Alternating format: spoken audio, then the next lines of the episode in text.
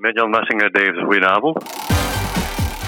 Welkom bij Fat Nation, de bloedstollende spelshow die je meeneemt in de wereld van gokken en ongekende prijzen. Slaap jij straks onder de Wilhelmina-brug of in een gigantische villa? Dat is vet. Fat Nation. Hier uw host, Roy Heethaar.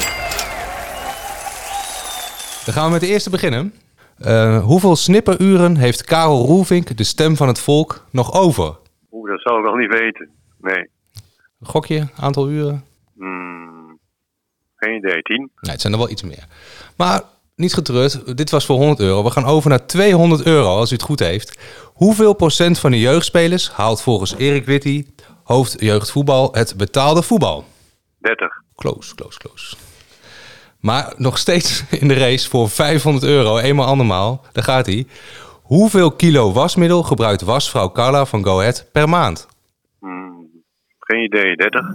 Gegokt en verloren. In de Vetkampstraat ben je eigenlijk niet in Overijssel. Het is gewoon Port Vale of Leeds.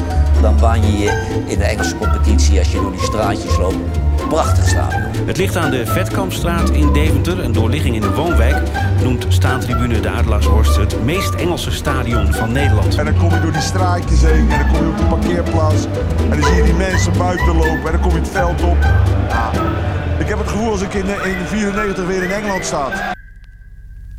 Welkom bij Vetkamp Praat.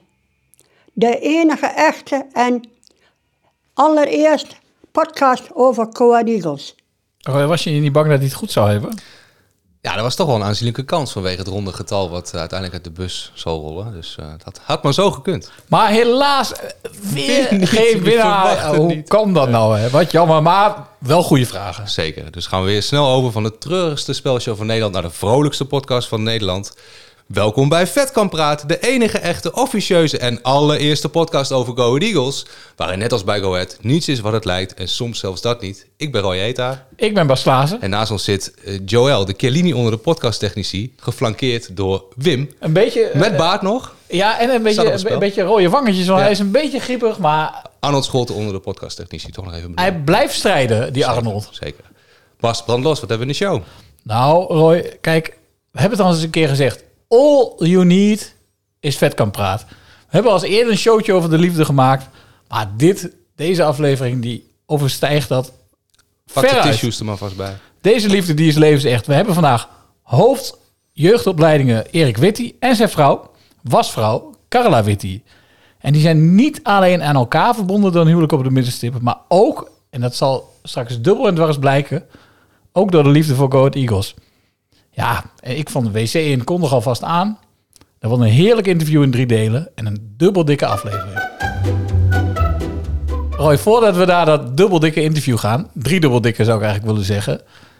Ja, mogen we eerst zelf nog even heel kort sputteren, want ik wil graag veel ruimte bieden aan het interview. Snel naar het voetbal. Zeker. Het bekertje. Daar moeten we het over, dat, dat was, nou, we hadden van tevoren over, nou, dat is nou één ding waar je het echt even over moet hebben. Ja. Al zijn we het er ook wel... Ja, het is echt onmisselijk van te worden zou ik zeggen. bekertje. Oké, dat bekertje. Je moet, je moet onderscheid maken. Kijk, als het een bekertje is dat naar een keepertje wordt gegooid, dan is het een overtreding, een zou je zeggen. Keepertje, ja. Om het in een, een klein keepertje. Ja. Maar als het uh, ontstaat naar een euforische explosie, uh, ja, dan zal jij of ik ook een bekertje zo uit je hand uh, Gerichte aan, als een gerichte aanslag is, is het anders. Ja. Dat ben ik het helemaal met je eens. Maar ik wil even terug. Hetzelfde als opzettelijke en niet opzettelijke hands. Zo kun je het eigenlijk zien. Ja, oké. dan zijn we, ik wil terug naar die wedstrijd. Ja. Go Ahead maakt in de 89 minuut, zeg ik het goed? 88. 88 e minuut. Maakte 1-0. Mm Het bekertje komt op het veld. Wedstrijd wordt gestaakt. NEC maakt nog 1-1. Ja. Gebeurt dat ook zonder bekertje? Nee, was niet gebeurd zonder bekertje. Oké. Okay. Dat geconstateerd hebben. Ik, ik heb hetzelfde gevoel. Ik kan het niet met zekerheid zeggen, want dat is het ingewikkelde. Je kunt ja. dat nooit... Maar ik heb hetzelfde gevoel. Ik heb het gevoel dat als dat bekertje niet was geland, ja. had ik het gewonnen. Maar wiens schuld is het dan dat dat Go die wedstrijd in ieder geval. Is dat van degene die het bekertje gooit? Die idiote stakingsregel, want daar heb je net al kunnen proeven, daar zijn we het allebei over eens. Of van de Go spelers die gewoon moeten opletten als die wedstrijd wordt hervat. Ik vind uh, de, het zwaartepunt ligt bij die laatste twee. Uh, allereerst de KNVB. Die regel moet gewoon op de schop. Dat is gewoon belachelijk. En uiteindelijk van de spelers die laten die, die goal. Dat eh, overkomt niet eh, de supporters natuurlijk. Ik bedoel, ja, zij zijn de, de aanleiding zou je kunnen zeggen. En dat is het gevolg van de regel. En de uitkomst is dat die spelers die bal, eh, of dat er slecht wordt verdedigd bij die corner. Ja, dat is een soort samenspel. Kijk, die, die, die regel is idioot. Dat vind Ja. ik echt een totaal belachelijke regel. En het punt is, ik heb dat van begin af aan gezegd. En toen die regel werd ingevoerd, waren er nog heel veel fans. Ook fans die veel in het stadion komen. Nee, nee, dat is goed, want dan luisteren ze tenminste en we moeten een grens trekken. Dikke bullshit. Een bekertje wat uit vreugde wordt gegooid, wat ergens aan de rand van het veld landt. Daar moet je geen wedstrijden voor staken. Daar kan geen kwaad, kun je niemand pijn mee doen. Dat is gewoon bullshit. Daar, dat is niet waar je die grens moet trekken. Die grens moet je wel trekken bij worden spelers bekogeld. Ja. Ook al is dat maar met een bekertje. Maar voor mij ligt dan de schuld toch voor het belangrijkste deel. Ondanks dat het zonder het bekertje niet was gebeurd. Mhm. Toch bij de spelers. Want die zijn, en, en de trainer dan, die zijn altijd hoofdverantwoordelijk Ja. voor wat er tijdens de wedstrijd op het veld gebeurt. Nou, Fijn, punt gemaakt. Eh, nog iets anders. Ehm, vind jij dat Silas zo stilletjes aan in de basis moet staan? Of wat? Ja, ik, ik ben voorspitser met krediet. Maar Silasso presteert op dit moment dusdanig. Mhm.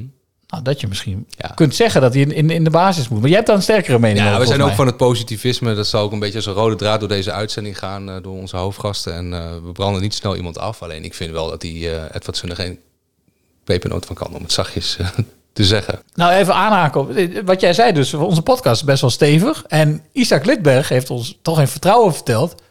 dat Victor Edvardsen altijd zegt wat hij denkt. Ja. Dat hij in Zweden bekend staat om... Nou ja, Dat hij recht door zee is. Eh, ja. Niet, niet alleen vuurwerk op het veld, maar vooral ook vuurwerk buiten het veld. Dat het echt een mega uitgesproken kerel is. Wat mij dus leuk lijkt, is om hem hier eens uit te nodigen. Dat jullie recht tegenover elkaar zitten. en dan moet je het maar zeggen. En hij, hij ziet er best wel gevaarlijk uit ja, hoor. dat klopt. Ja, ja, ja, ja. Nee, ik zal gewoon eerlijk zeggen wat ik ervan vind. Dus eh, bij deze... ehm, You, you hit no peppermint. Vandaag, op het moment van uitzending, is ze precies 25 jaar in dienst van Go Ahead Eagles. Ooit begon ze in het pishok. Inmiddels runt ze al jaren Carla's Wassalon. Maar ze geldt ook als een moederfiguur voor de kuikens onder de spelers. We vragen haar het schone hem van het lijf over de grootste smeerpijp uit de Go Ahead geschiedenis.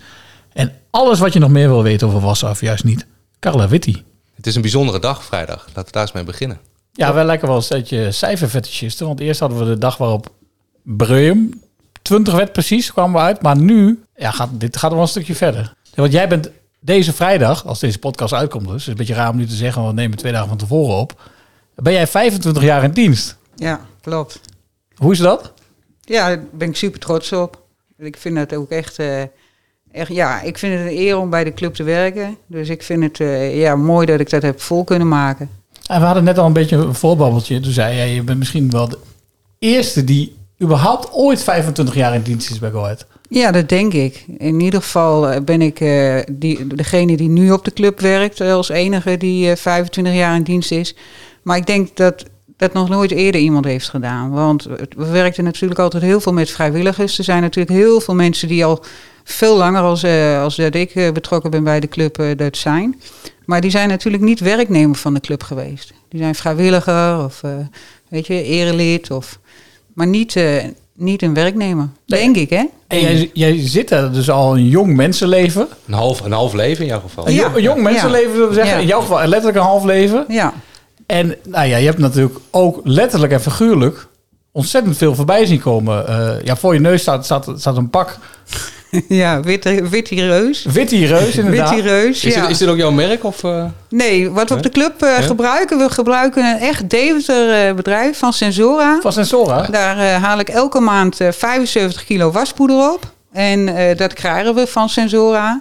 En dat, eh, ja, zolang dat ik er werk, gebeurt dat eigenlijk al. 75 kilo waspoeder in de maand. Ja. Dat zijn Ja. wel ongelooflijke smeerpijpen allemaal. Nou, niet heel erg smerig, maar er is vooral heel veel was. Heel veel. ja, echt heel veel was. Van de hele club dus. Ja. Ja, en, en ja, ik kan me voorstellen, daar- daar heb je ook heel veel werk aan dan. Ja, het is niet een eh, baan van eh 8 tot 5. En, of, en vijf dagen in de week. Het is vaak gewoon zeven dagen in de week. En in de weekenden natuurlijk heel lang. Want dan heb ik ook eh, alle jeugdelftallen erbij. En, eh, dus ja, er gaat gewoon heel veel tijd in zitten. Hoeveel broekjes en shirtjes zijn er wel niet door je handen gegaan in die Aantal 25 jaar? Ja. Nou, dat weet ik niet hoor. Dat zijn er denk ik, ja, dat zijn er heel wat.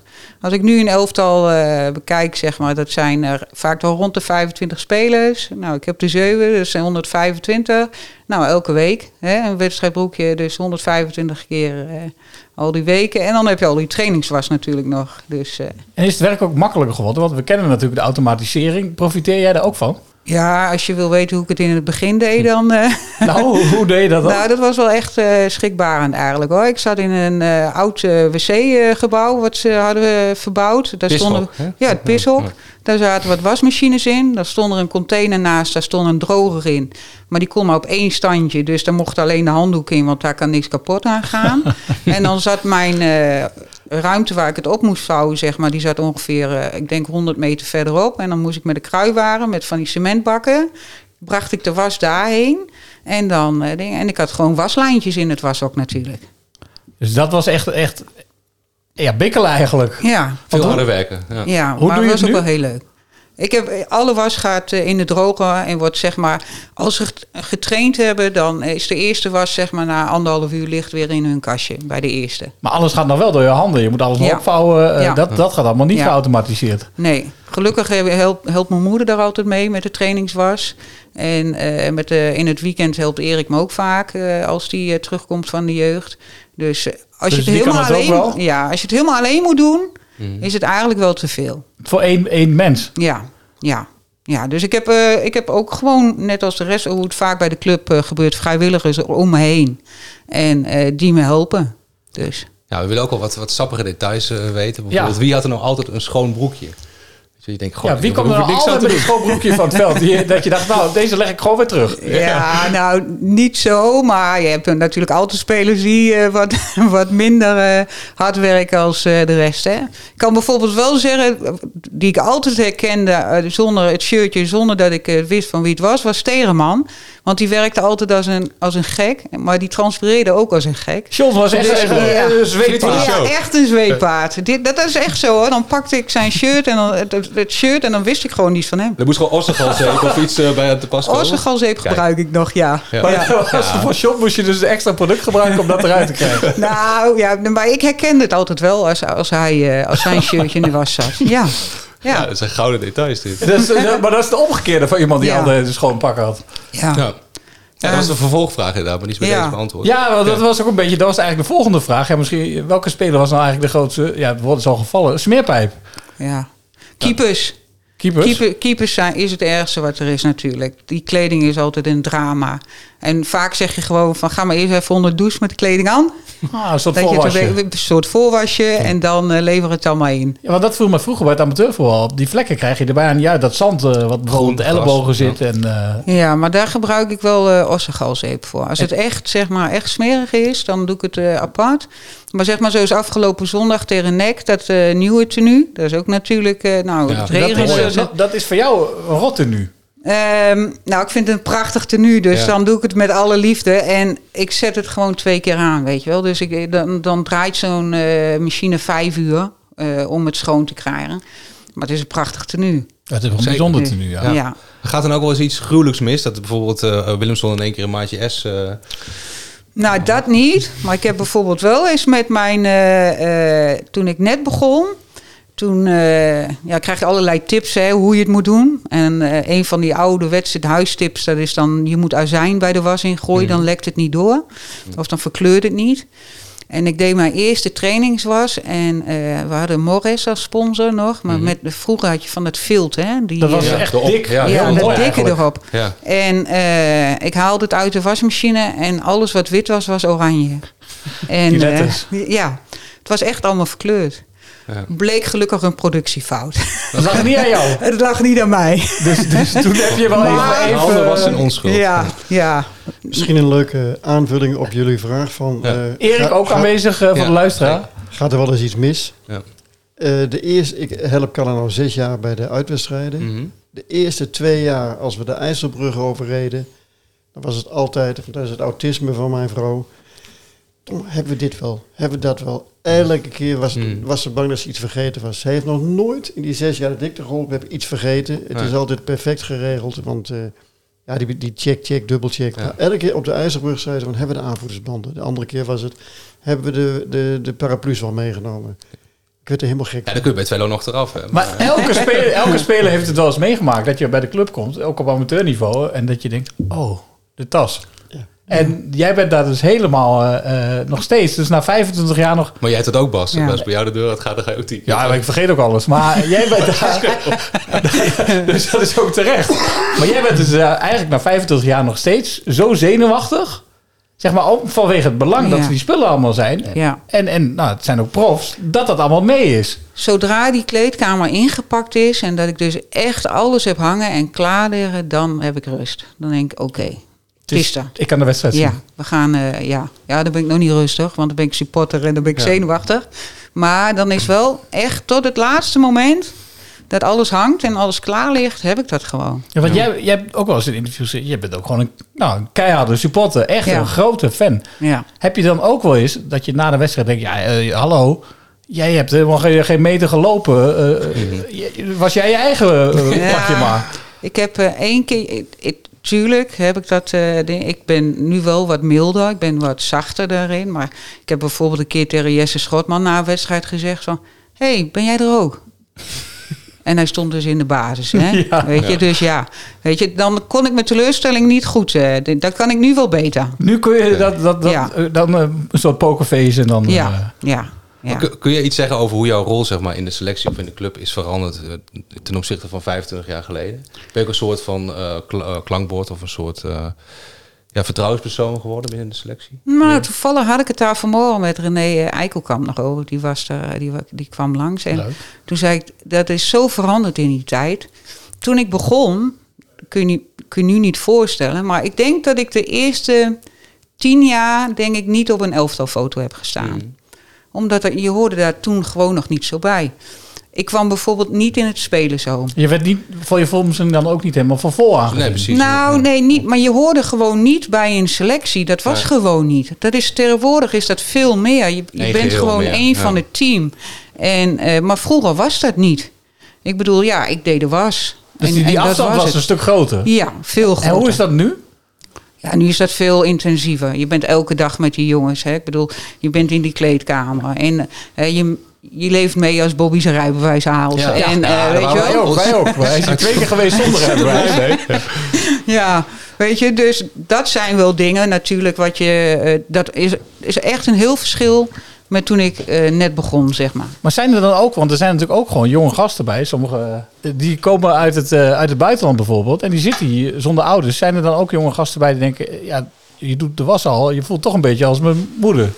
Ja. en in het begin geef je ze natuurlijk ook aan van als ze nog niet helemaal eh, thuis zijn, zeg maar, van als er wat is, of ik moet een extra wasje voor je draaien, wat je niet, eh, hè, of je zit nog in het hotel. Breng dat gewoon en dan doe ik dat voor je. Weet je, je, je moet ze wel het gevoel geven dat ze, dat ze een thuis hebben een beetje. Ze missen natuurlijk al heel wat. Jacob is 19. Ja, ik bedoel, zo'n jonge jongen bijvoorbeeld. gehad. He- Voor het eerst op, op zichzelf, voor het Ja, eerst dan vind ik dat ouders. zijn best wel grote stappen natuurlijk dan. En dan eh, als je ze op die manier een beetje kunt helpen. En ik vraag altijd van hoe ze zich voelen, van gaat het goed? Eh, hè, bijvoorbeeld Willem, in het begin dan denk je van... Nou, die komt ja. ook van ver, lijkt mij. Ja, weet je. En, Letterlijk. en het is een hele stille jongen, weet je. En dan in het begin vraag je dan ook wel vaak van, eh, gaat het goed? En dan, eh, het gaat allemaal goed, weet je. Dus, dat is, maar ja, ik vind ook wel dat het hoort. Ja, dat je ze een beetje in de gaten houdt. Ja, er is bijvoorbeeld één moment, ik weet misschien, weten jullie dat nog wel, of herinner je dat met Beltrame? Dat was, eh, Ja. die scoorde. Ja. En eh, toen kwam hij naar de bank toe om mij Oh een, eh, een knuffel te geven. Mhm. Ja, die had toen gewoon een heel, hele moeilijke periode. geblesseerd en hij speelde niet en dingen. En hij was altijd als een van de laatste. En ik was altijd met hem eventjes aan het kletsen, weet je. Van, het komt goed, hè, weet je, op die manier. En toen zei hij dus op die dag van... En toen zei ik tegen hem, ja, als je erin komt, dan scoor je, weet je. En toen scoorde hij dus. En toen gebeurde dat dus. Ja, dat zijn wel momenten dat je denkt van, ja, dat, dat is mooi. dan- ja, ja, die ja, onthoud je, ja. ja. Jij hebt dus ook wel eens gezegd van, ja, voor 1 miljoen ga ik niet naar Zwolle. ja. 2 miljoen ook niet? Nee, voor, ge- voor, voor geen enkel bedrag. En Wim heeft heel veel geld. Als hij nou 10 miljoen biedt. Ja, dan, dan, dan mag hij dat lekker houden. Ik ben gelukkig met wat ik nu heb. Ik heb de mooiste baan van de wereld. En eh, als je dit 25 jaar volhoudt, net wat ik eh, al zei, van met heel veel plezier. Geld is niet alles. Geld is belangrijk. Hè? Je moet eh, je huur kunnen betalen en je rekeningen en eh, dat allemaal. Maar het is veel belangrijker dat je kiest voor plezier en waar je je fijn bij voelt. Het is nu weer tijd voor een van mijn favoriete onderdelen. Want wij zijn toch een beetje elitaire mannetjes. En ja, vooral jij Roy, je moet er toch weer aan geloven. Want ik zag jou deze week op een foto eh, op een trapveldje staan. Met je dochter van drie. Met een golfclub in handen. ja, jong geleerd. Ja, dat kan wel wezen. Maar jij moet toch ook weten dat zo'n veldje eigenlijk voor voetballen is? Lekker elitair. Maar Go Ahead, Go Ahead is een echte volksclub. Zelfs de eerste volksclub die kampioen van Nederland werd. Dus is hier de frontman van de voorstad, onze stem van het volk, Karel Roefink. De hoon of hoop van het volk. Het woord is aan Karel, onze eigen overlever. Brand los! Ik heb klachten van uh, Eagles supporters gehad. En uh, er schijnen in meer stadions te wezen. was een zeer slecht zicht op het veld. En uh, vanuit het uitvak. En bij RKC worden de plastic bekers worden er geserveerd. Die zijn, die zijn heel erg hard. Dan kun je iemand wel een gat mee in de kop gooien. En dan wil onze statiegeld onze daarvoor hebben. 15 cent. En, en de statiegeld, dat krijg je niet weer. Er was iemand die had zes glazen bier gehaald. Die moest 46 euro betalen, inclusief statiegeld. Dus en dan willen ze in alle stadions ze dat gaan doorvoeren. Dit, dit soort dingen. Dus die hebben ze een euro afgepakt eigenlijk? Dat is te gek voor woorden allemaal toch. Je gaat er niet met een stapel le lege glazen naar huis toe lopen. Maar over bekertjes gesproken, hè? Er, er vlogen er een paar op het veld. Wat vond jij daarvan uh, afgelopen weekend? Ja, nou, ik vind ervan, uh, er is een hoop commentaar op geweest van andere Eagles supporters. Uh, maar dus, uh, ja, de, de, die jongens moesten stadionverbod geven, maar weet ik allemaal wat. Dan kun je wel vertellen, dit is een groep. Die zijn het hele jaar zijn ze bij de uitwedstrijden allemaal. En die, en die, is een hele grote groep die gaan altijd mee. En die steunen de Eagles tot dik en dun en die zingen 90 minuten lang. Zingen ze, ik heb een voorstel naar in de 88ste minuut 1-0 maakt. Dat is geen baldadigheid geweest, hè. dat is vreugde geweest dat je met 1-0 voorkomt. Kijk, het mag natuurlijk niet, maar dat is wel die flauwekul weer. De Nederlandse KNVB, zeg maar, die, die regelt dit soort dingen allemaal. Wedstrijd gestaakt. Dan zijn we weer het lachetje van heel Europa mee, hè, met die bekers op veld. Ja, mooi waardig gesproken, Karel. Um, ja, er staat natuurlijk een belangrijk potje op de rol. Hoe kijk je daar naar uit? Dat is toch voor jou de aardsvijand nummer 1 eigenlijk? Ja, ja, dat is toch vroeger de aardsvijand nummer 1. Ja, de, de, van nu is allemaal Zwolle, maar vroeger was het allemaal Twente. Ja, klopt. Daar hebben we de meeste trammeland vroeger mee gehad. De oude jongens, zeg maar, allemaal. Ik denk wel dat de Eagles het zwaar krijgen, maar ik ga toch voor 2-1 winst of zo. Oh ja, even iets, iets heel anders. Ja. Denk jij dat uh, Caroline van der Plas is afgestraft in de verkiezing omdat ze jouw brieven niet heeft beantwoord? Nee, dat niet. Dat heeft niks met mijn brieven te maken, denk ik. Maar uh, ja, ze was zelf heel blij. Ze is van één zetel naar zeven zetels gegaan. Dus en, uh, ik heb zelf op Wilders gestemd. Net als 2,5 miljoen andere mensen. Dus ja, nee, ik weet het niet. Maar ze heeft in ieder geval wel, ja, in mijn ogen heeft ze dan verlies geleden, zeg maar, vergeleken met de provinciale staten. Nou, ze stond op een gegeven moment op uh, bijna 30 zetels in de peilingen. Dus, uh... Ja, ze is best afgestraft in principe eigenlijk. Maar, maar daar blijf ik bij. Ik vind uh, verder een hele goede vrouw. Hoor. Het valt me alleen tegen dat ze mijn brief niet beantwoord heeft. En vorige week had ze geloof bij de kapper gezeten op de brink geven weg. Dat kreeg ik ook mee. Maar ik heb die, die kapster heb ik in de Facebook zitten. Dus dat is 500 meter van mijn huis af geweest. Had ze wel even, bijvoorbeeld, ze weet waar ik woon, dus ze even langs kunnen komen. Ja, het zou gewoon even wat door de bus kunnen gooien. Hé, hey, maar Karel, Caroline is ja, vaste luisteraar van onze podcast. Hè? Dus heb je nog woorden voor haar, dan kun je via, via deze weg uh, nog eens proberen. Ja, nou, Caroline, uh, ik hoop dat je geen contact met me opneemt. Je bent welkom bij me thuis, je kunt me bellen, alles is goed. Dus, uh, maar ik vind het niet, zeg maar niet tof dat je niet, helemaal niet gereageerd hebt. Je weet wie ik ben. Uh, gewoon een arbeidersjongen. Jij bent ook een hele gewone vrouw. Dus ja, in principe voel ik me nou een beetje in de steek gelaten door jou. Nog, nog één, nou eigenlijk twee kleine vraagjes. Uh, Roy maakt al een gebaar van afronden, ja. maar nog, ik heb toch nog twee kleine vraagjes. Um, ja. Wie ga je nou erg missen op het werk en wie ga je helemaal niet missen? Nou, er zijn, ja, ik nog geen namen natuurlijk. Maar nee, dat, ga ik niet, dat ga ik niet doen. Maar diegene weet zelf wel. Maar die is er eentje die heeft me verraaien met tabak in de auto. Die jongen mag nooit met me praten, dus die ga ik helemaal niet missen. Dat is kiespijn, ja. Dus en uh, wie ik heel erg ga missen, ja, dat zijn een uh, aantal collega's van mij. Daar heb ik hele mooie jaren mee gehad. Heb ik alles mee gedaan wat wel en niet mag. Nou, dan wil ik één naam noemen, Jerry Vaaf. Nou, super. We gaan alles weer kwijt, ja. ook op deze manier? Ja, ik ben alles weer kwijt, jongens. En ik hoop dat Timmermans uh, de strijd krijgt. Dat er ook nog even mee. Onlangs werd bekend dat hij Go Ahead in 2025 gaat verlaten. Ik heb het natuurlijk over Carlos Mann, laat ik dat maar eens eerst zeggen. Erik Witty, of Eric Witty, hoofd jeugdopleiding van deze club. En wij vroegen ons af, en volgens mij met ons veel supporters, in hoeverre is dat nu de levensslagader van de club? En hoe kan dat nog, nog beter? En passen de faciliteiten eh, van de jeugdopleiding bij de huidige nummer 5 van de Eredivisie? Nou, we zeiden het al even. Erik Witty ook aangeschoven. Roy, kom er maar in. Ook welkom, ja. Welkom inderdaad. Dankjewel. Ja, we hebben net eh, gepraat met Carla over wat zij in 25 jaar allemaal heeft meegemaakt. Jij zult in vijf jaar ook ongetwijfeld heel veel hebben meegemaakt. Ja, Ehm, absoluut. ja, eerst, eerst, de, eerst de hamvraag. Eh, we zien toch, eh, de, de jeugdopleiding eh, is idealiter natuurlijk de levensader van een club. Als je dan kijkt, eh, Sam Beukema, een mooie transfer gemaakt. Oran Separ heeft een mooie carrière. Is, dat- is dat te weinig voor een club als Go Ahead, vind jij? Ja, dat is te weinig. Zeker als je kijkt naar de historie van vroeger. Het is eigenlijk met Franti vader ons begonnen, eh, 50, 60 jaar terug. We waren de eerste als Go Ahead Eagles. Toen heette het nog Go Ahead. Ja, dat is te weinig. Maar we moeten ook reëel blijven. Ehm, we bestaan eigenlijk in deze setting pas een jaar of tien. Mhm. Tel even de twee coronajaren eraf waarin geen promoties mogelijk waren. En we zijn nu toch in die acht jaar dat de promoties mogelijk waren van vierde divisie. Ja, als het een beetje mee zit de komende twee weken naar gemiddeld 1,75 divisie. Gemiddeld tweede is het nu ongeveer, hè? Het is nu gemiddeld tweede. Ja.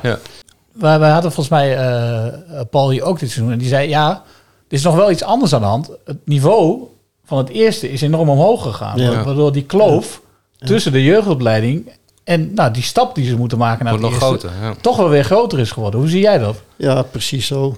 De ondergrens van het, het eerste auto van ons is echt omhoog gegaan. Als je nu naast je kijkt, dan kun je er gewoon 4, 5 inbrengen zonder dat je meteen zwakker wordt. Dat is niet altijd zo geweest. Dus die ondergrens bepaalt ook een beetje de opstapgrens voor de jeugdspeler. Exact. Dus die is ook verhoogd. Nou, als je dan nu kijkt naar de jeugd, zijn daar dan ook veel jongens bij waarvan je denkt, nou, die kunnen Eredivisie niveau spelen? Of is dat ook echt koffiedik kijken? Om potentie te herkennen, dat is super, super moeilijk. En ik durf nu te stellen, en dat wel met een behoorlijke stelligheid, in elk elftal wat we hebben, we hebben er zes, hè.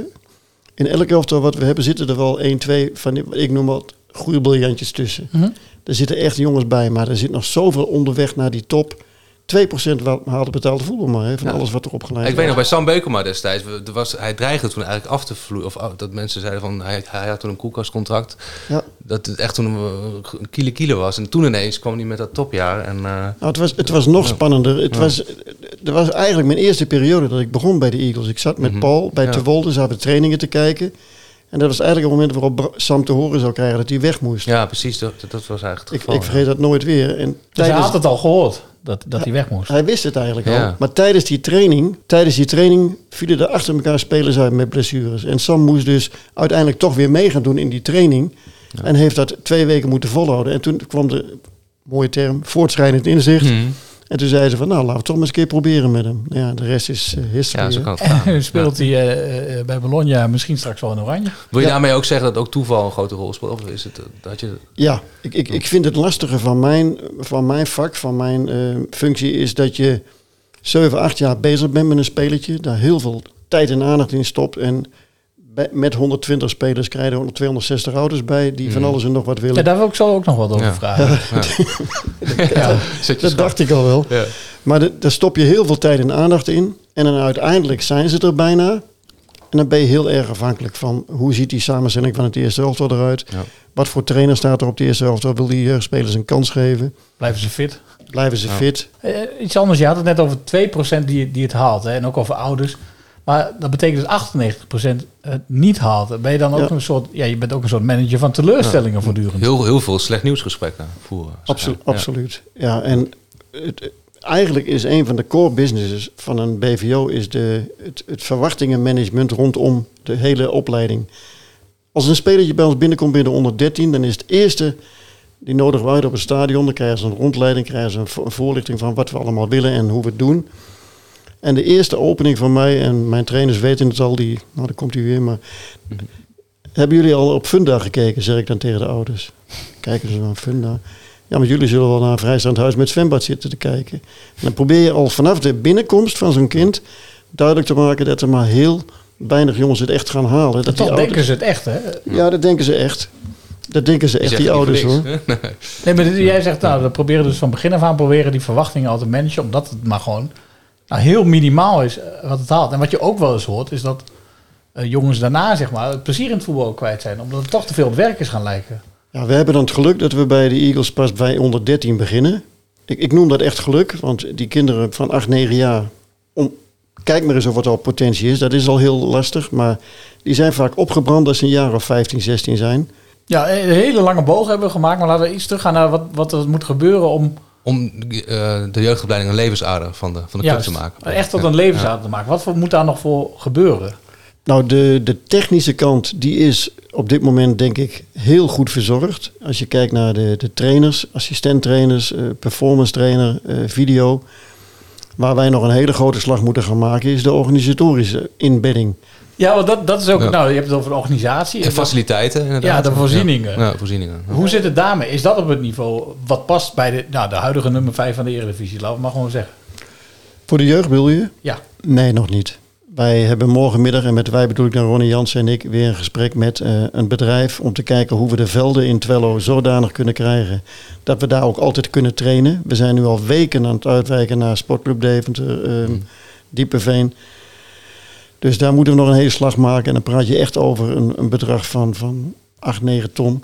Oeh, wat, ja. we, wat we erin moeten stoppen in die velden. Maar daar moet ook weer een langdurig contract tegenover staan bij Twello dan. Dus dat wordt nu op dit moment bepaald. Maar dan moet dus wel zeker zijn dat Twello ook de locatie blijft. Want er wordt natuurlijk wel Ja, verhuizing, gesproken ja, over die verhuizing. Ja. Want hoe, hoe zit dat dan precies? Ja, of is dat voor jou ook eh, ingewikkeld? Is dat een must ook? Het is geen must, maar het zou wel geweldig zijn als je net als bij Feyenoord en bij Ajax en bij Utrecht Mhm. op je trainingsveld met de jeugd bezig bent en je kijkt naar de lichtmasten van het eerste veld. Ik, ik zie dat nog niet zo snel gebeuren. Nee, daarvoor moet echt nog wat eh, water door de IJssel. Ja. Maar je zegt, je bent eigenlijk ook vooral een opbouwer geweest hè, van die jeugdopleiding. eh, zodat straks jouw opvolger misschien de vruchten ervan kan gaan plukken. Dat is een beetje het doel. Ja, het doel, het doel wat ik had toen ik eh, vier jaar geleden begon en over anderhalf jaar ga stoppen, Mhm. dat was dat wij de beste georganiseerde voetbalacademie van het oosten van het land zouden zijn. Mhm. En het subdoel was dat ze zouden zeggen wie was die hoofdopleidingen. Dat is ook de manier waarop ik graag wil werken. Zo werkt Carla ook eigenlijk hoor, op haar manier. Mhm. Het liefst op de achtergrond, niet op de voorgrond, maar wel proberen dat voor elkaar te krijgen. En nou, ik moet je eerlijk zeggen, als je ziet welke respons wij krijgen van collega-hoofden opleiding van BVO's, die zeggen hoe krijgen jullie het in godsnaam voor elkaar dat je zo goed met die jongens allemaal bezig bent.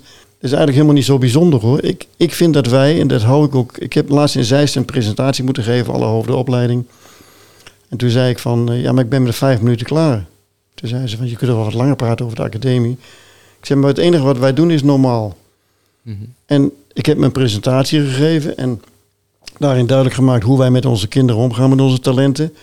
En dat is een heel klein beetje, trof ik het al aan toen ik bij Go Ahead kwam. Het was een heel warm bed waar ik in terecht kwam met hele fijne mensen. En ik heb daar mijn, nou, laat ik zeggen, Canadees- Canadese roots overheen gegooid. In Canada zeg ik altijd, lopen de beren naast de weg. In Nederland lopen ze op de weg. We zijn gewoon een ongelooflijk azijnzijkersvolk. En ik ook hoor, ik ben al 60 jaar weer in Nederland. Maar, en dat betekent dat wij heel vaak letten op de dingen die niet goed gaan. Nou, en bij ons is het echt vast pandoer bij Go Ahead, bij de opleiding.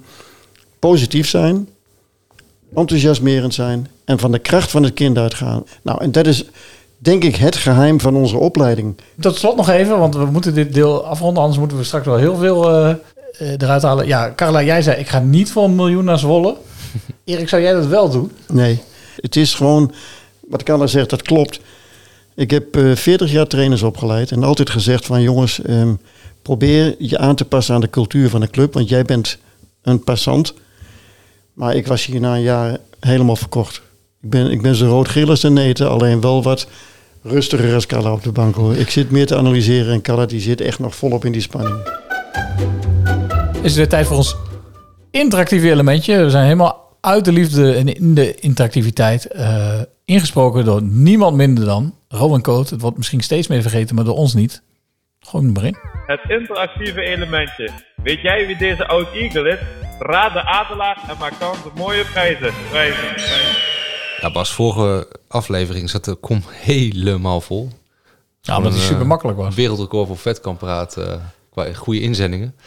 Ja, we hadden nu, wat mij opviel, wel weer superveel inzendingen. Maar ook heel veel foute inzendingen. Ja, ja, Want die- eigenlijk, ja, ik, ik vond hem eigenlijk bijna niet te doen. Precies, maar die drie musketiers zetten iedereen op verkeerde sporen, hè, leek het wel. Nee, dit waren drie sp- spelers die niet bekend waren als de drie musketiers. Ja, nou, zonder die, maar er waren een aantal mensen die door... Sommigen hebben het gewoon echt herkend, denk ik. eh, zoals bijvoorbeeld Wouter Rutgers, denk ik, dat hij het echt herkend heeft.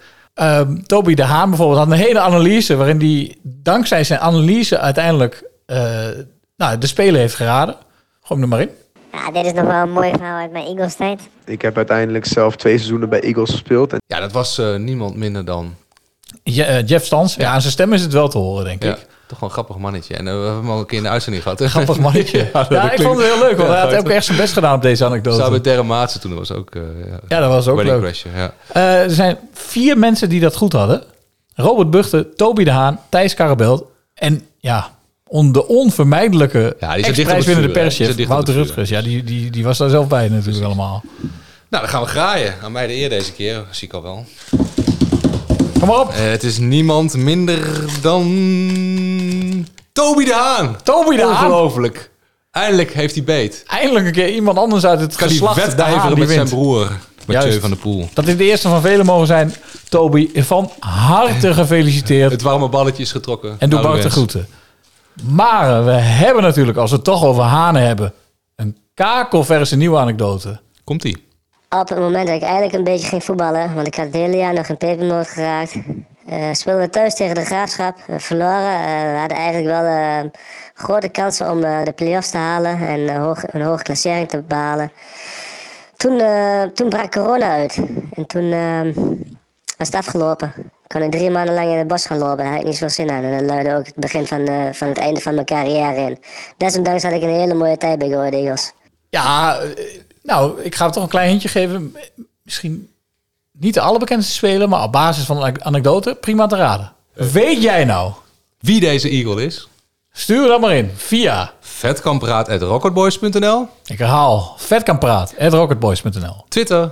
LinkedIn. X, hetzelfde. Nee. Twitter X, LinkedIn, Facebook, Instagram. Postduif, kom er maar in. En maak kans op een van die fantastische Prijzen, prijzen, prijzen, prijzen, prijzen, prijzen, prijzen, prijzen, prijzen, prijzen, prijzen, prijzen, prijzen, prijzen, prijzen, prijzen, prijzen, prijzen. prijzen. Raak me raak voor de knaak. Ja, Roy, we zeiden het al even aan het begin van de uitzending. All you need is vet kan praten. Dus pak de tissues er maar bij. Kaars, steek een kaarsje aan. Ja, candlelight. Hier zijn Carla en Erik samen over hun hoogte- en dieptepunten. Hopelijk niet letterlijk. Hun liefde voor rood-geel, maar bovenal voor elkaar. Ja, eh, Erik en Carla, daar hebben we jullie eindelijk samen. Voor jullie eh, zal het niet voor het eerst zijn. Ehm, ja, Erik, jij zei net al, we waren van het babbelen, zei al van, oh, ja, Carla is nog een jong wijfje. Je zei het niet over bij jezelf van, ik ben al iets ouder, maar hoe heb je die gestrikt? Eh, andersom. Hoe is dat gegaan? Ja, nou, ehm, ik ben op een gegeven moment eh, gescheiden van mijn vorige vrouw. En ehm, toen kwam mijn dochter weer na een half jaar terug bij mij wonen. En die kwam bij mij thuis en die zei van... Pap, dat huis dat ruikt nog steeds naar mama. Daar moeten we een keer een eigen, een eigen indruk aan geven. Ik zei, ja, maar papa die heeft echt twee linkerhanden. Ik zou niet weten hoe ik moet schilderen en verven. Maar die mevrouw die je kent van Davo... Carla was penningmeester bij Davo, waar ik trainer was. Die is toch heel handig, zou die dit niet kunnen doen? Dus die zag, al iets misschien. Die zag wel iets in Carla. Nou, Carla is gaan werken bij mij en we hebben een leuke tijd gehad. We gingen ook wel eens uit eten. Maar ik zag Carla meer als een, ja, gewoon een leuke vriendin. Ja. Ik had bovendien, dat was mijn derde vrouw waar ik van ging scheiden. Dus ik had het wel eens een beetje gehad. Ik wilde geen vrouwen meer. Oké. En toen ging ik naar Japan voor de, voor de KNVB. Moest ik lesgeven in Tokio. En toen kreeg ik hele rare appjes van Carla van... eh, hoe is het daar? En ik mis je. Ik denk, mis je? Mis je? Wat is Oh. dat dan? Ik mis je. Toen kwam ik terug en toen was het... Ja, ik weet het nog. Tot op de dag van vandaag. 21 augustus. We zaten op de bank. Toen zei Carla tegen mij van... eh, Erik, eh, ik moet je iets zeggen. En toen ben ik echt een hork geweest hoor, in mijn antwoord. Maar toen zei ze van... eh, ik voel meer voor je dan normaal. Ik, ik hou van je. En toen zei ik van, dan hebben we een probleem. Want ik hou niet van jou. Ja, de, ongelooflijk, Bikkelhard. ja. Ja. ongelooflijk horkerige opmerking. Lachte er niet om, maar... eh, En, en, toen zei, en dan wordt het stil. En dan zei ik, nou ja, misschien kun je nou beter naar huis gaan. En, maar denk er eens over na, want ik zou wel heel graag bevriend met je willen blijven. En toen gaat ze weg. Ik ben de spul aan het opruimen. Ik denk binnen een minuut een appje. Ik heb er goed over nagedacht. Een minuut, hè. Ik heb er goed over nagedacht, maar ik wil bevriend blijven met je. En daarna is er een traject gekomen wat op 9 november van hetzelfde jaar heeft geleid doordat ik haar vroeg of ze mijn vriendinnetje wilde worden. Zo ging dat nog in mijn tijd. Binnen twee maanden, ja. de drie maanden. Dat, is ja. even- dat hebben, hebben mijn Ja. kinderen bewerkstelligd. Want die zagen wel dat ik helemaal gek van haar was. Alleen dat ik het niet meer toeliet. Toeliet, ja, omdat ik gewoon geen vrouw meer wilde hebben. Zo is het gegaan. En welk jaar was dat? Hoe, hoe- Eh, 2013. Maar Carla, wel ontzettend knap van jou dat jij ondanks die, die, die ongelofelijke teleurstelling die je Ja. op dat moment moet hebben gevoeld, want jij was dus blijkbaar al helemaal hoog tot de botel. Ja. Ja. Ja, we maken er nou maar een soort all you need is love van. Kerst staat voor de deur. Jij was al helemaal hoog tot de botel en je Ja. kreeg zo'n harde boodschap dat je dan binnen zo snel kon zeggen, ja, maar dan wil ik wel vrienden blijven. Ja, maar dat is denk ik ook wel hoe ik ben. Ik, eh, ik ben wel een type wat, wat in dat soort eh, situaties denkt van... oké, dan kan ik beter gaan voor wat ik ook fijn vind en waar ik me goed bij voel. En ik zou het ook gewoon eh, heel goed gekund hebben. Dat, dat was geen enkel probleem. Als ik eh, vrienden zou... dan waren we gewoon de beste maatjes geweest. Dus, En nu zijn jullie tien, tien jaar verder. Ook een Ja. jubileum dus eigenlijk. Ja. ja. 9 Ja. november waren we tien jaar bij elkaar. Ja. Kijk. Getrouwd op de middenstip. Ja. Ja. Hoe was dat? Is dat nou wel echt een romantische plek? Of, eh? Ja, ik vond het uiteindelijk heel bijzonder, want ik wist het niet, hè. Dus ik werd echt eh, daarmee verrast. Ik bedoel, eh, ja, we gingen trouwen en eh Erik zoon Juri die eh, zou ons naar het stadhuis brengen. En op een gegeven moment, eh, ja, ik woon op Knutteldorp. We dus rechtsaf en nog een keer rechtsaf en dan weer bij het stadhuis. En hij ging anders en op een gegeven moment toen zei ik... eh, linksaf, van, het is toch niet zo moeilijk, of wel, weet je wel. En eh, ik zei, nou, dan moeten we maar langs de hoeren, zei ik zo.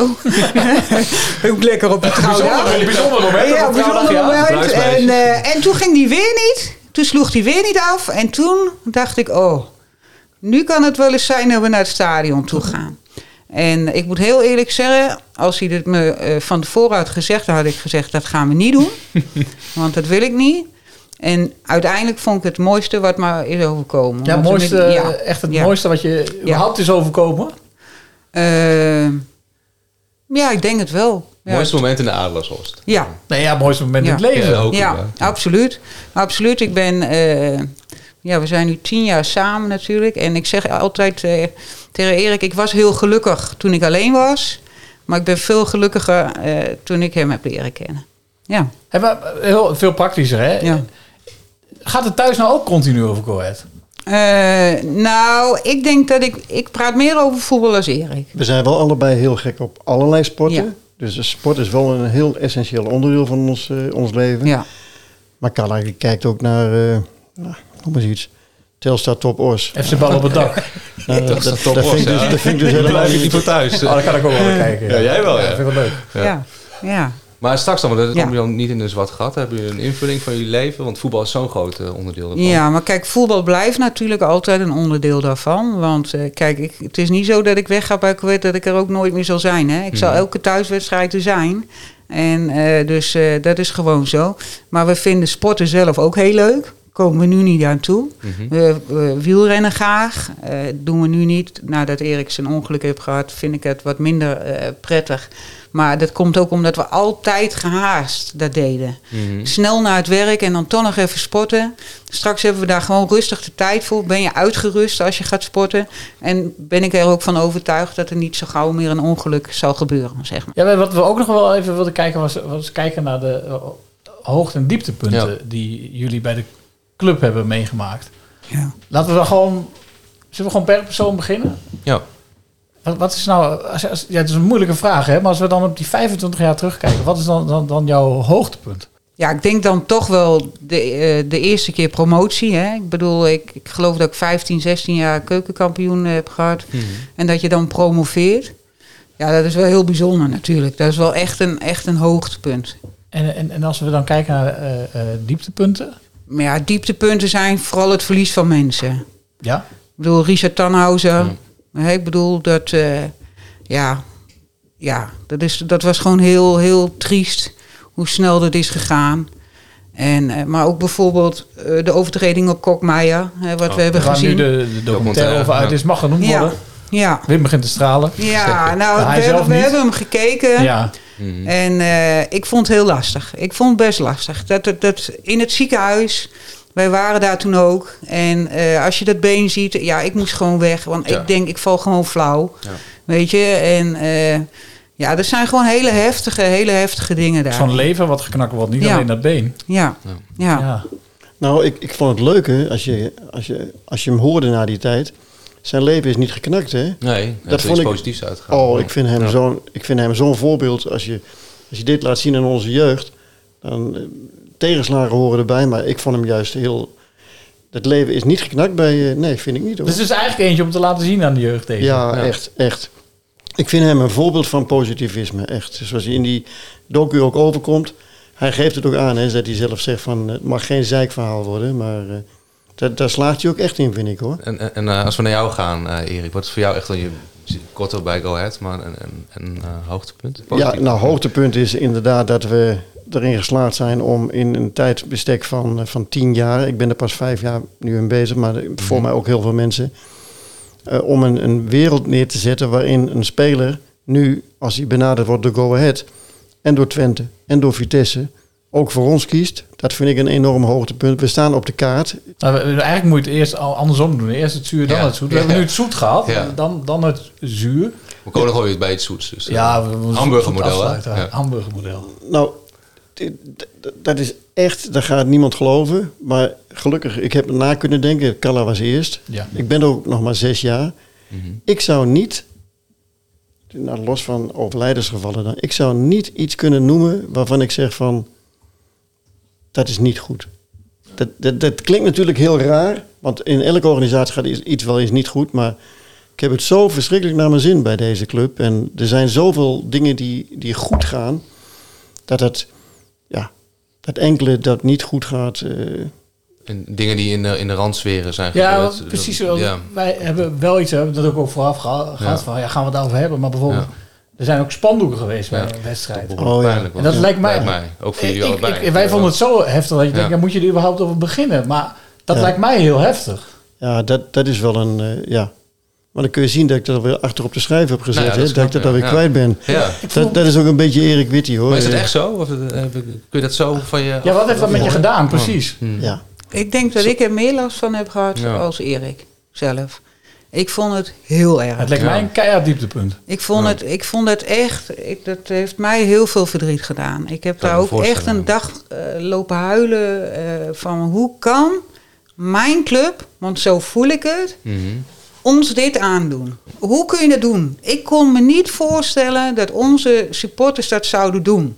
Heb je toen ook Heb je ook niet gedacht van, ja, we stappen ermee? ermee? Ja, precies. Ja. Ja, ik wel. Erik niet. Wel. Ik, Jij hebt wel echt, echt Ja, ik, ik was echt, echt zo teleurgesteld en zo verdrietig daarom.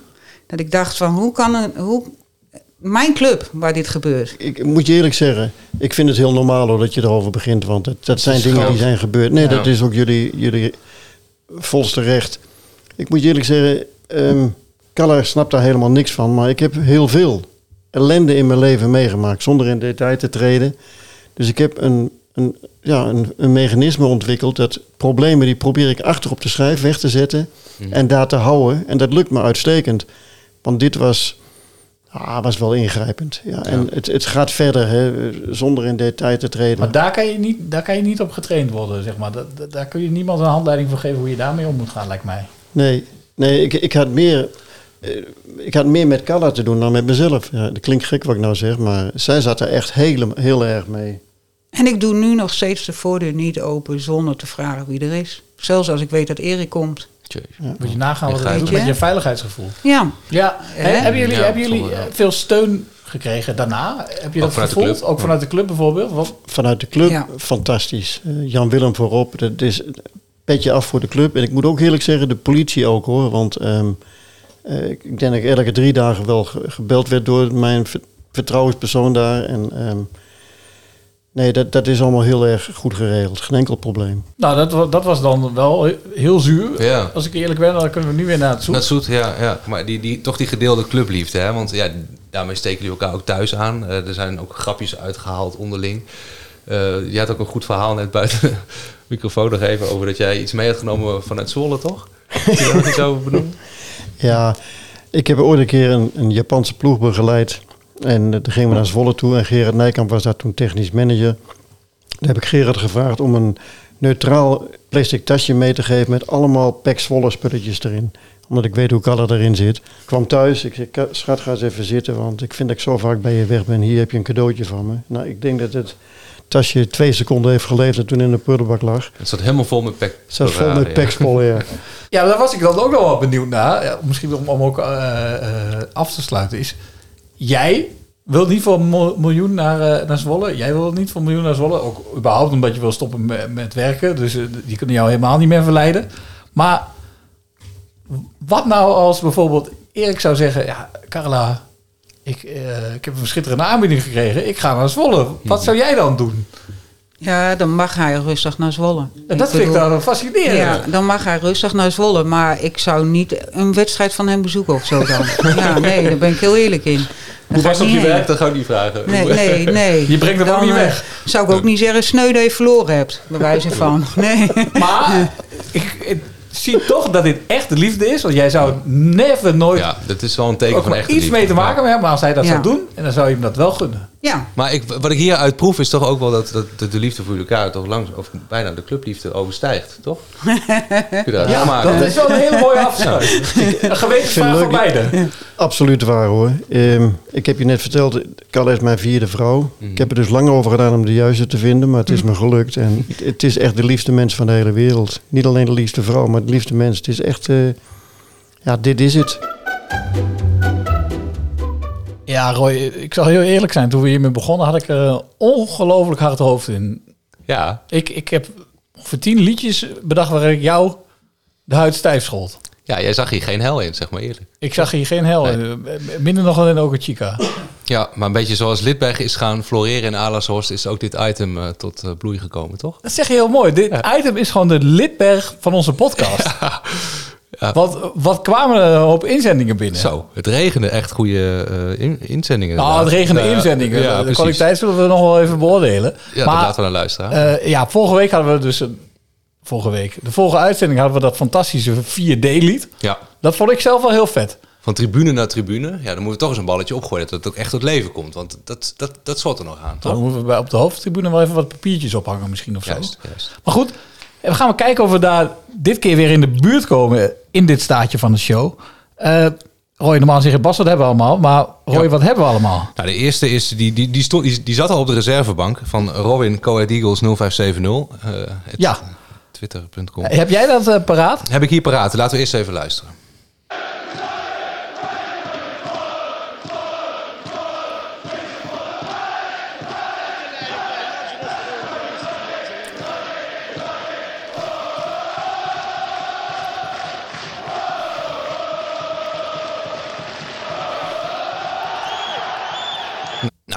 Klinkt aanstekelijk. En dan Ja. heeft hij de, de volgende Ik tekst. weet nog niet wat we moeten zingen en hoe. Nu moeten we ook gaan zingen. En de techniek eh, staat voor niks. Ik snap Ja. er geen kloot van. Nou, maar dit is even waar het op geïnspireerd is. Ik weet in mijn god niet in welk stadion dit eh, gezongen wordt, maar het klinkt leuk. Heb jij die En tekst dan al heeft wel Robin de volgende tekst. Wij zijn de Eagles, de Eagles, de Eagles, de Go Red Eagles, de Eagles, de Eagles. Wij zijn niet te kraken, te kraken, te kraken. En daardoor René Haken, René Haken. Ja, dat is een beetje hoe ik het eh, interpreteer. Eagles, de Go Red Eagles, de Eagles, de Eagles. Wij zijn niet te kraken, te kraken, te kraken. En daardoor René Haken, Haken, Haken. Ho, ho, ho, ho. Om even warm te draaien, hè, toch? Ja, daar zijn we warm. Genoeg Ja, daarvan. Nog een inzending. Ja, niemand minder dan Ludwig Boosveld.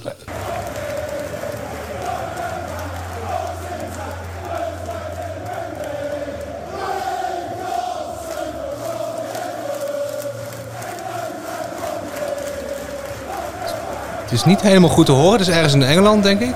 Ja, bij Luton. eh, ja, d- het is daar ga ongetwijfeld Luton. Eh, hij heeft de volgende tekst. Wij hebben Renéetje Haken. Die weet precies wat hij moet doen. Met Nauber in de back en Willem in attack. Maakt hij Go Eagles kampioen. Dus denk ik ongeveer een beetje... Ja, ik- ik kan, ik kan gewoon op basis van deze melodie... denk ik, nou, hoe moeten we dit in godsnaam doen? Zet jij maar in en dan eh, val ik wel in. Ik denk dat jij er wel een idee bij hebt. Wij hebben Renéetje Haken. Die weet precies, wat hij moet doen. Met Nauber in de back en Willem in attack. Maakt hij Go Eagles kampioen. Ja. Dat is niet eh, Dus overtuigend, is hoor. erg, ja. Dat is denk ik niet hoe boos wel het bedoeld Nee, zijn. dat denk ik ook niet. Hij moet er gewoon zelf zingen, toch? Ja, maar... Gelukkig is hier live in de studio Patrick, dan wel Petje van de Pool. Of Petje de Courier zag ik zelfs al staan. Ja. Welkom. Yes, dankjewel. Eh Petje de Courier, waar komt dat vandaan? Uh, ja, ik uh, ben uh, ja, bezorg automaterialen voor mijn werk. En uh, ja, ik zocht een leuke naam dus. Dus vandaar. Ja. ja hoe voelt het om, om een headliner te zijn van deze rubriek? Ja, goed. Ja? Ik bedoel, je moet er iemand de crème la crème zijn, hè? Zeker, zeker. Ben je een beetje goed bij stem? Redelijk. En heb je wat moois voor ons? ja, denk het wel. Zet jij hem als eerste in en dat we hem daarna met z'n allen doen? Ja, misschien eerst beter om even te laten luisteren. En dan, heeft iedereen ook een beetje idee erbij, denk ik. Oké. Okay.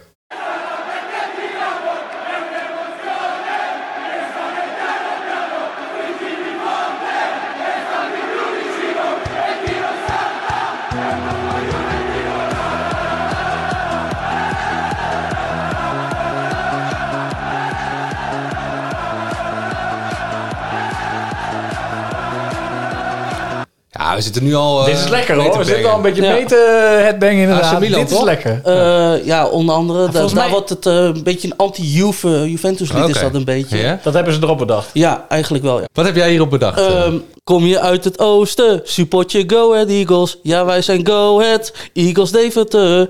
Oh, op de B-side juich ik de ploeg naar voren. Ja, voor de club laat ik me altijd horen. Ja, la la la. Nou, la, met z'n allen? Zo goed zeg.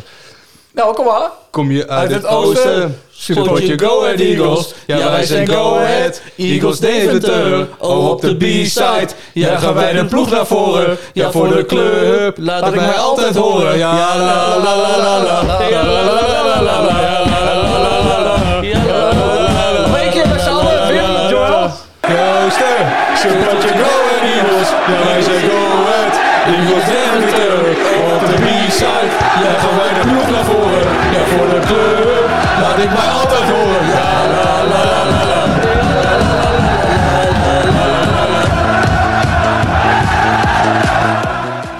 Heb je dit nou allemaal aangehoord en denk je, ja, sorry, die jongens kunnen er echt geen kloot van. Zitten echt op het verkeerde spoor. Het nummer zit er gewoon niet bij. Die petje heeft het helemaal verkeerd gehoord. Kom er dan maar in. En zend in. Via vetkampraat.rocketboys.nl Ja, of alle andere methodes. Dit was Vetkampraat. De enige echte en allereerst podcast over Coadigos. Doe kalma, bedankt en aju. In de Vetkampstraat ben je eigenlijk niet in Overijssel. Het is gewoon Port Vale of Leeds. Dan baan je je in de Engelse competitie als je door die straatjes loopt. Prachtig stadion. Het ligt aan de Vetkampstraat in Deventer, een doorligging in de woonwijk. Noemt staantribune de Adelaarshorst het meest Engelse stadion van Nederland. En dan kom je door die straatjes heen en dan kom je op de parkeerplaats. En dan zie je die mensen buiten lopen en dan kom je het veld op. Ja, ik heb het gevoel als ik in 1994 weer in Engeland sta.